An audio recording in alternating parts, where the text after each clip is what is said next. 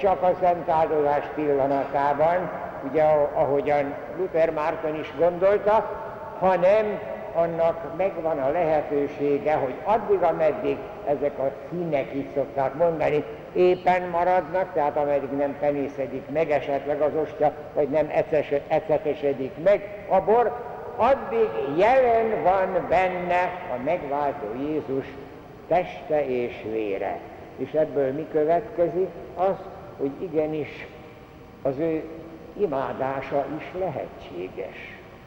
Hát az első időkben ezen ne botránkozzunk meg, akkor, amikor a házaknál volt az utolsó vacsora megünneplése, és akkor, amikor Jeruzsálemben, tehát a zsidó közösségben, később pedig az római birodalomban keresztény üldözés volt, akkor is megvolt ez, de nem olyan formában, mint ma. Akkor elvitték a betegekhez, elvitték a börtönben lévőkhöz, elvitték a remetékhez az Úr Jézus szentestét, ami nem Szentmise keretében történt, hanem a Szentmise keretében átlényegült kenyeret vitték, mert az utána is az Úr Jézus szenteste maradt.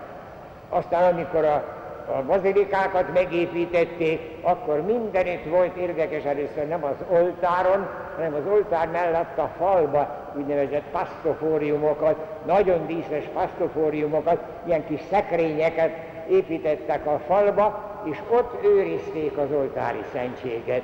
Aztán később ez az oltárra került, tabernákulumnak, aztán ez került, hogyha szembe lévő, szembe miséző oltár van, egy külön oltára, mint ahogyan nálunk is van.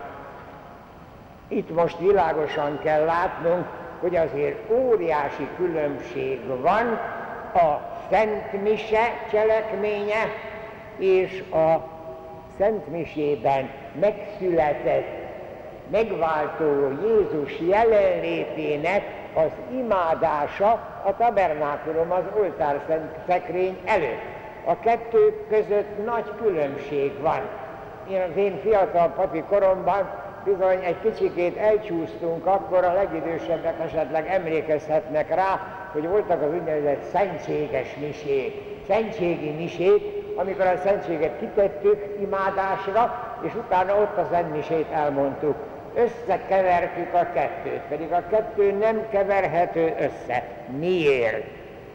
A szentségimádás egy statikus valami, az ott lévő, velünk lévő Jézusnak a Jézus előtt való hódolat, az ő imádása, vele megbeszélhetünk minden problémát, tőle megkérdezhetünk minden nehézségünknek a megoldását, Szóval az szentségimádás az egy bizonyos statikus valami, amivel szemben a Szent Mise az csupa akció.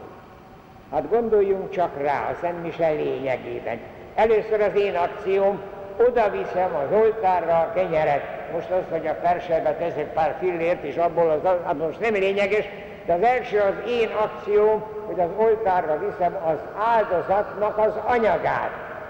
A második akció az magának, az Úr Jézusnak az akciója, mikor ugyanazt csinálja, mint az utolsó vacsorán, ez az én testem, ez az én vérem. Aztán jön a harmadik akció, az nagyon fontos, mert a bennünket jelképező kenyérből és borból lett az Úr Jézus szent teste és szent vére, és ezzel dicsőítem meg a mennyei atyát, ő általa, ő vele és ő benne. Ez már megint az én akcióm.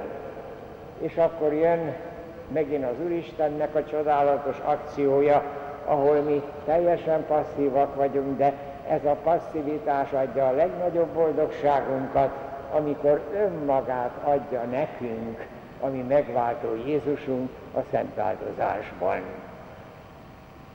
Nagyon fontos, hogy ezt így világosan lássuk magunk előtt, mert így tudjuk megérteni azt, hogy ennél nagyobb ajándékot még az Úr Jézus se tudott volna kitalálni, mert a szent áldozásban mi beleasszimilálódunk az ő megváltott, megváltott életébe, az ő föltámadásába, az örökké valóságba, az örök boldogságba, amit itt kezdhetünk meg a földi életünkben, pontosan ebben a nagy csodában, pontosan ebben a nagy misztériumban, a Szent Misében, ahol megszületik az Eucharisztia, ami legnagyobb kincsünk.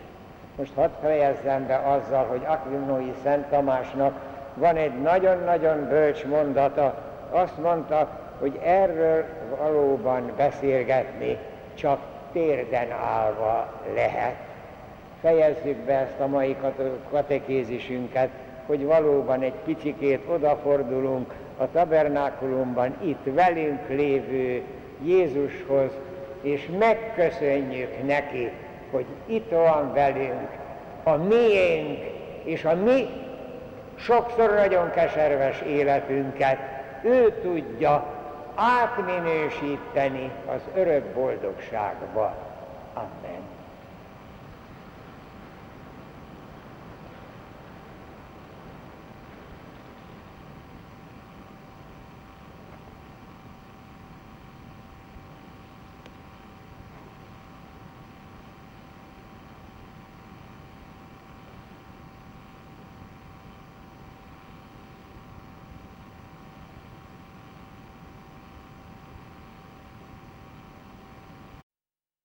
A mindenható és irgalmas Isten, az Atya, a Fiú és a Szentlélek. Amen. Dicsértessék a Jézus Krisztus!